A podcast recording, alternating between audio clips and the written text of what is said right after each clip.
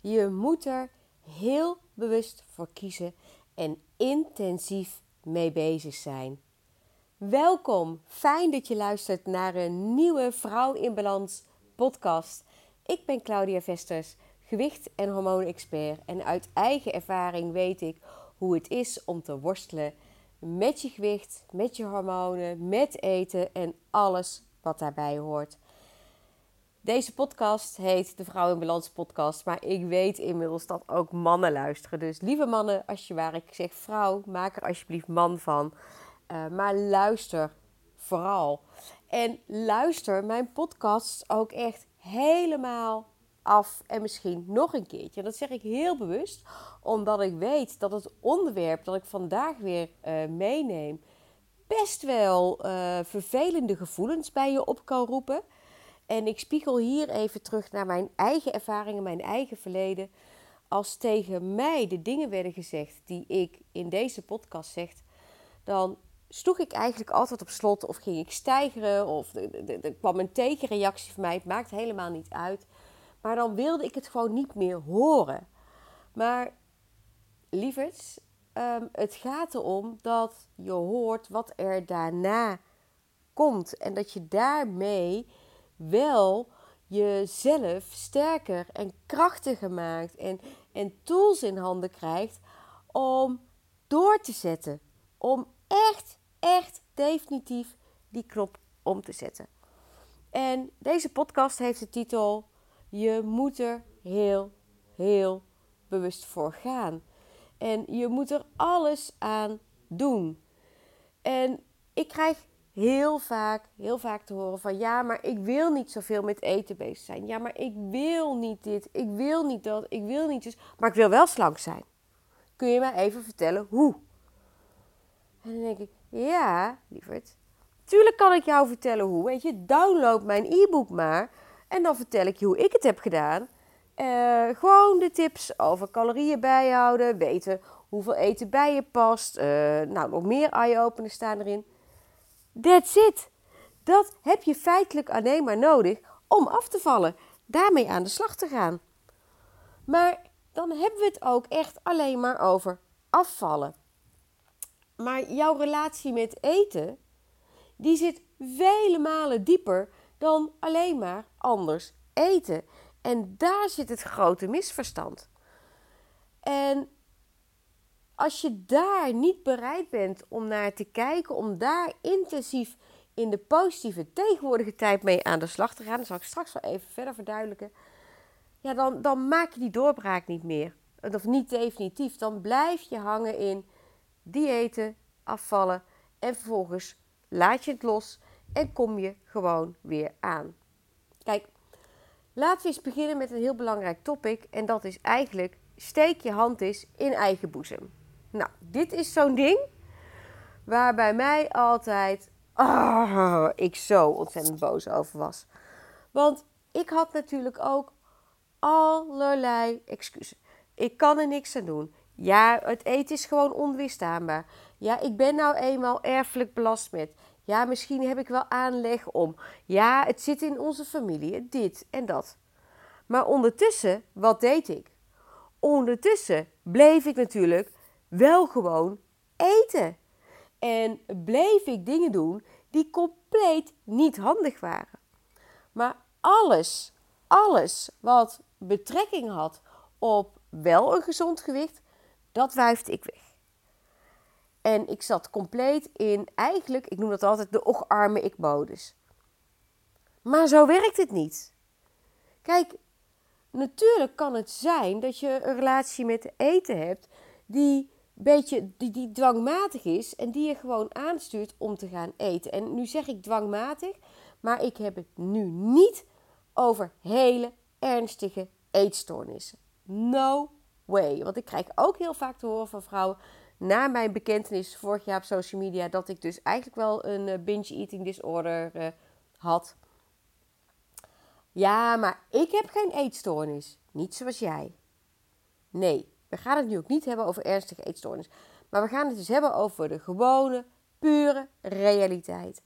En dat is dat als je maar blijft eten en blijft toegeven dat er ook iets niet klopt. En dan heb je misschien geen eetstoornis, maar dan heb je wel een verstoorde relatie met eten. En die verstoorde relatie met eten, die levert uiteindelijk op dat er keer op keer weer een kilootje bij komt. Dus het is iets tussen jou en die onweerstaanbaarheid van dat eten. Ja, en dan is het dus belangrijk om echt de hand in eigen boezem te gaan steken. Want de enige die ervoor kan zorgen dat jij het niet meer in je mond stopt, ben jezelf. Kijk, er gaat er natuurlijk heel veel op over. Oh, er moet een suikertax komen. BTW moet van groente en fruit af. En, en nog meer dingen. We moeten dit, we moeten dat. Maar dan leggen we nog steeds de verantwoordelijkheid buiten onszelf. Kijk, ik ben het er helemaal mee eens. Ik vind ook dat, dat BTW van groente en fruit af moet. En dat als het kan, maar dus niet de boeren daarmee in de problemen komen, dat het goedkoper gemaakt moet worden. Veel meer beschikbaar voor iedereen. En ja, een suikertak zou handig zijn. Maar, maar, hetzelfde als met sigaretten. Als je zelf niet verandert en een ander besluit neemt, gebeurt er niks. Want die sigaretten, die zijn natuurlijk ook allemaal onaantrekkelijk gemaakt. En ze mogen niet meer zichtbaar zijn. Maar nog steeds zijn er heel veel mensen die roken. En zolang je ook, hè, als je je eigen verantwoordelijkheid daarin neemt, dan kun je stoppen, kun je het omdraaien. En dat kost moeite. Moeite, moeite, moeite. En zo geldt dat ook met eten. Er is niemand die jou dwingt om die reep chocola te kopen. Niemand. Het wordt je lastig gemaakt, want het ziet er zo verleidelijk uit. En daardoor, hè, dat is de marketing van die fabrikanten, ben je geneigd om het te kopen. Ja, je krijgt overal beelden te zien van, oh lekker gezellig dingetjes op tafel. Dus eten, gezelligheid zijn met elkaar gekoppeld. Maar er is niemand die jou dwingt om het te kopen en om het te eten. De enige die jou ertoe aanzet, die het dwingt, ben je feitelijk zelf. Dat is je eigen ego, het stemmetje wat je hoort, je oude relatie met eten. En die saboteert je. Maar dat stemmetje, dat kan een extern iemand niet voor jou blijvend veranderen. Dat stemmetje, de enige die dat kan veranderen, dat ben je zelf. Dat, dat kun je alleen maar doen door een ander gesprek met jezelf aan te gaan. En dit klinkt misschien heel hard, maar zo is het wel. En ik zou dit niet met je delen als ik het niet zelf had doorleefd. Dat is wat ik altijd zeg. En ik vertelde net al, kijk, ik ken alle ocharme ik verhalen, want ik heb ze ook 30 jaar aan mezelf verteld. Maar met dat verhaal schiet je geen bal op. Je kunt blijven zeggen, ja, maar goed, chocola blijft zo aantrekkelijk. Ja, maar dit, ja, maar dat, ja, maar zus, ja, maar zo. Maar lieve schat, daar verandert er helemaal niks mee. En nu komt het erop aan. Want wat ik ook altijd aan de, aan de mannen en vrouwen leer die ik coach, is: je moet het gesprek met jezelf veranderen. Dus je moet helder hebben welk gesprek, dus welke gedachten er nu over eten continu door je hoofd gaan. En het werkt magisch als je die gewoon eens opschrijft. En beter nog, als je dan blokkeert, is om het gewoon in te spreken. Dus dat wat je denkt, spreek je gewoon hardop uit. Dat kun je gewoon op je telefoon zelfs doen. Nou, dat luister je terug en schrijf je uit. En dan weet je, oh wacht even, maar dit zijn mijn gedachten. En zijn dat nou gedachten die mij helpen in de positieve tegenwoordige tijd? Of zijn dit gedachten die mij eigenlijk alleen maar verder weghouden van mijn doel? En op het moment dat je hier bewust van wordt, heb je zelf een sleutel tot verandering in handen. Absoluut. Nou, en dan? Dan heb je dus het verhaal helder wat er door je hoofd gaat. Top. Het enige wat je daarna nog hoeft te doen, is voor jezelf een nieuw verhaal schrijven. Het verhaal over wat je wel wil.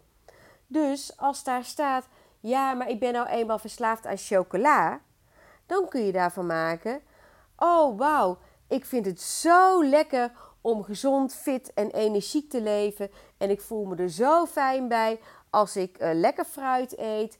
Ik voel me fijn als ik. En zo ga je opschrijven dat wat je wel wil. Maar daar is het ook belangrijk om in mee te nemen, het verhaal, om aan jezelf te gaan vertellen. Ik ben het waard om gezond, fit en energiek te zijn. Ik ben het waard om een gezonde leefstijl te hebben. Ik ben het waard om, en als ik trek heb, maar honger is niet het probleem, dan ga ik iets anders doen. En als ik moe ben, dan ga ik gewoon naar bed. Dus je gaat echt het hele verhaal opschrijven. Kost het je tijd om dit te doen? Ja. Is het lastig? Ja. Maar prima is perfect. Dus dat hele verhaal wat je opschrijft, dat hoeft helemaal niet zo uitgebreid te zijn als dat ik hier nou zit te vertellen. Kijk, ik kan dit vertellen vanuit hoe het nou bij mij in mijn hoofd eraan toe gaat. Maar toen ik begon, was het absoluut niet zo. Toen had ik maar één zin. En die ene zin die ik had was: Ik word een gezonde, fitte, energieke en slanke vrouw. En daarom ga ik gezond eten drie keer per dag. Punt. Dat was mijn aller, allereerste zin. En die ben ik langzaam gaan uitbouwen en meer eigen gaan maken. Maar iedere keer, iedere keer, als ik aan eten dacht, zei ik stoïcijns dit op. Dus dan stond ik, uh, moet je voorstellen, hè, dan ging ik boodschappen doen.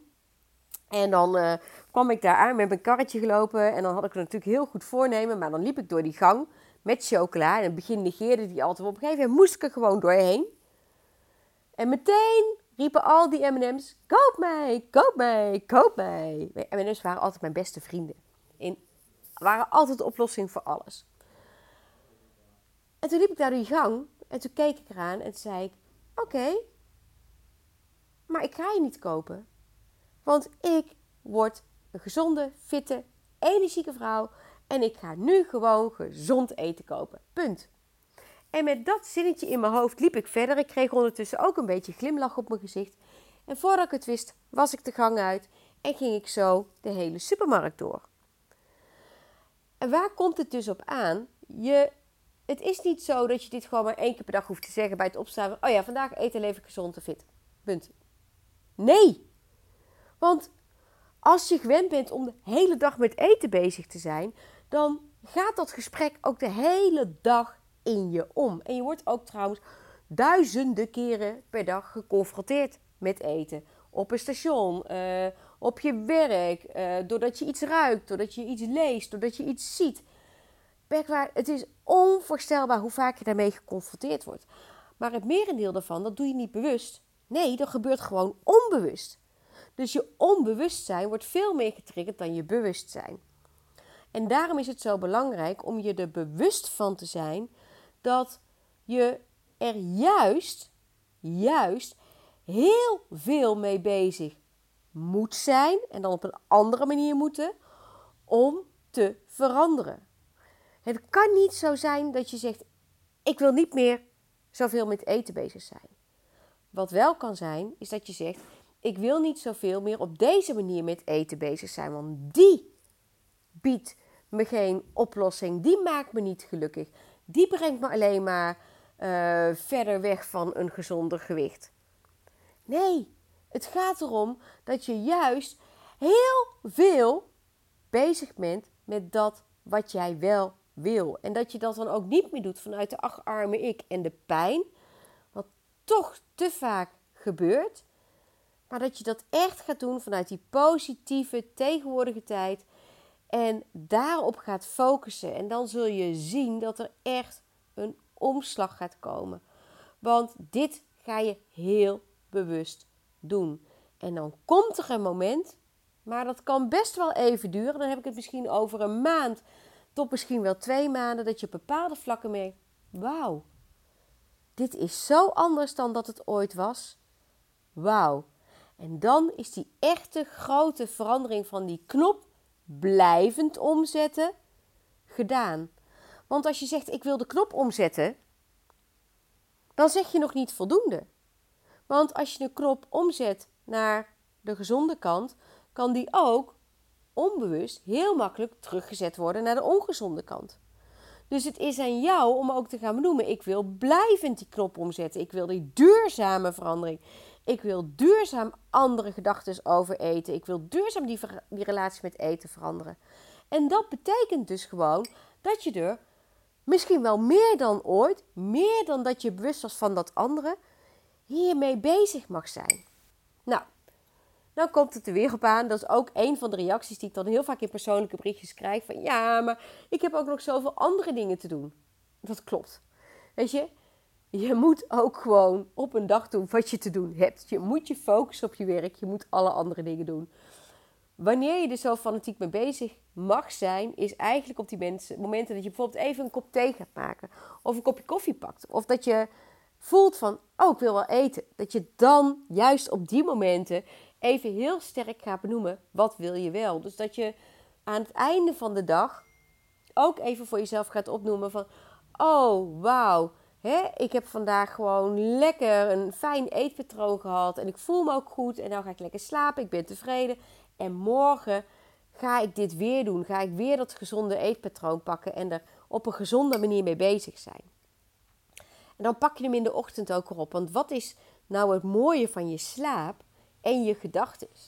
Is dat ook in je slaap je gedachten altijd doorgaan. Ze gaan gewoon door. En dat is fantastisch als je dat weet. Want dan weet je ook dat de laatste gedachte waarmee je gaat slapen ook de eerste gedachte is waar je mee wakker wordt.